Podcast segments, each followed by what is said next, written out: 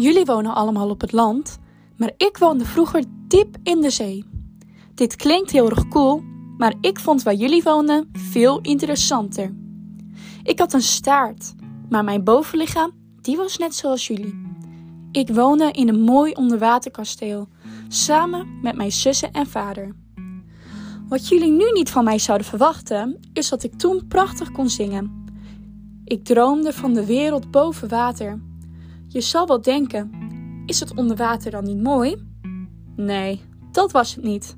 Onder water, dat was prachtig, met de mooiste bloemen en de mooiste vissen.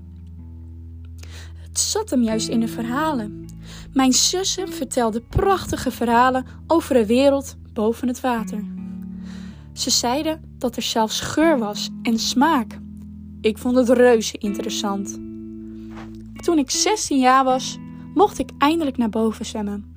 Toen ik eenmaal boven was, zag ik een groot schip van een prins. Wat was hij prachtig! Opeens gooide een grote golf de prins van het schip. Zo snel als ik kon, zwom ik naar hem toe en bracht ik de prins naar het strand. Hij was bewusteloos. Ik heb die hele nacht bij hem gelegen en zong een lied. Toen ik de volgende ochtend stemmen hoorde, dook ik vlug weer in het water. Sinds die tijd kon ik nergens anders meer aan denken. Omdat de prins een mens was, ging ik, ging de, ging naar de zeeheks. Deze woonde in een huis dat gebouwd was van oude scheepswraken en werd bewaakt door zeedraken. De zeeheks gaf mij een toverdrank. Als je deze toverdrank drinkt, ga je twee benen krijgen. Maar elke stap zal zijn alsof je op glasscherven loopt. Als de prins niet met je trouwt, dan zal ik je in zeeschuim veranderen. In ruil daarvoor wil ik je stem, zei de zeeheks. Ik ging zo snel mogelijk naar het strand waar, de prins had, waar ik de prins had neergelegd en ik dronk de drank. Ik verloor meteen mijn stem en ik viel flauw. Toen ik weer mijn ogen opende, was hij daar. Daar stond de prins en hij vroeg wie ik was. Ik kon geen antwoord geven. De prins nam me mee naar het kasteel, maar elke stap deed erg pijn. Ik kreeg een prachtige prinsessenjurk aan. De prins nam mij mee in zijn rijtuig en liet mij een mooi koninkrijk zien. Wat was het prachtig!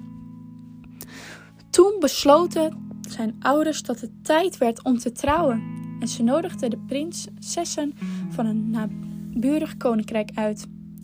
Ik werd heel bang, want als de prins niet met mij zou trouwen, zou ik in het zeesheim veranderen. Ik keek naar de zee en zag mijn zusters. In ruil voor hun lange haren had de zeeheks een mes gegeven. Deze moet je in het hart van de prins steken, zij had de zeeheks gezegd, en de druppels bloed over je voeten laten stromen. Dan word je weer een zeemermin, zei de zusters. Ik kon de lieve prins geen kwaad doen en gooide het mes weg. Ik dook de zee in om tot zeeschuim te worden veranderd. Maar wat toen gebeurde? De prins dook achter mij aan en hij zei dat hij met mij wilde trouwen. Het werd een mooie bruiloft en wij leefden nog lang en gelukkig.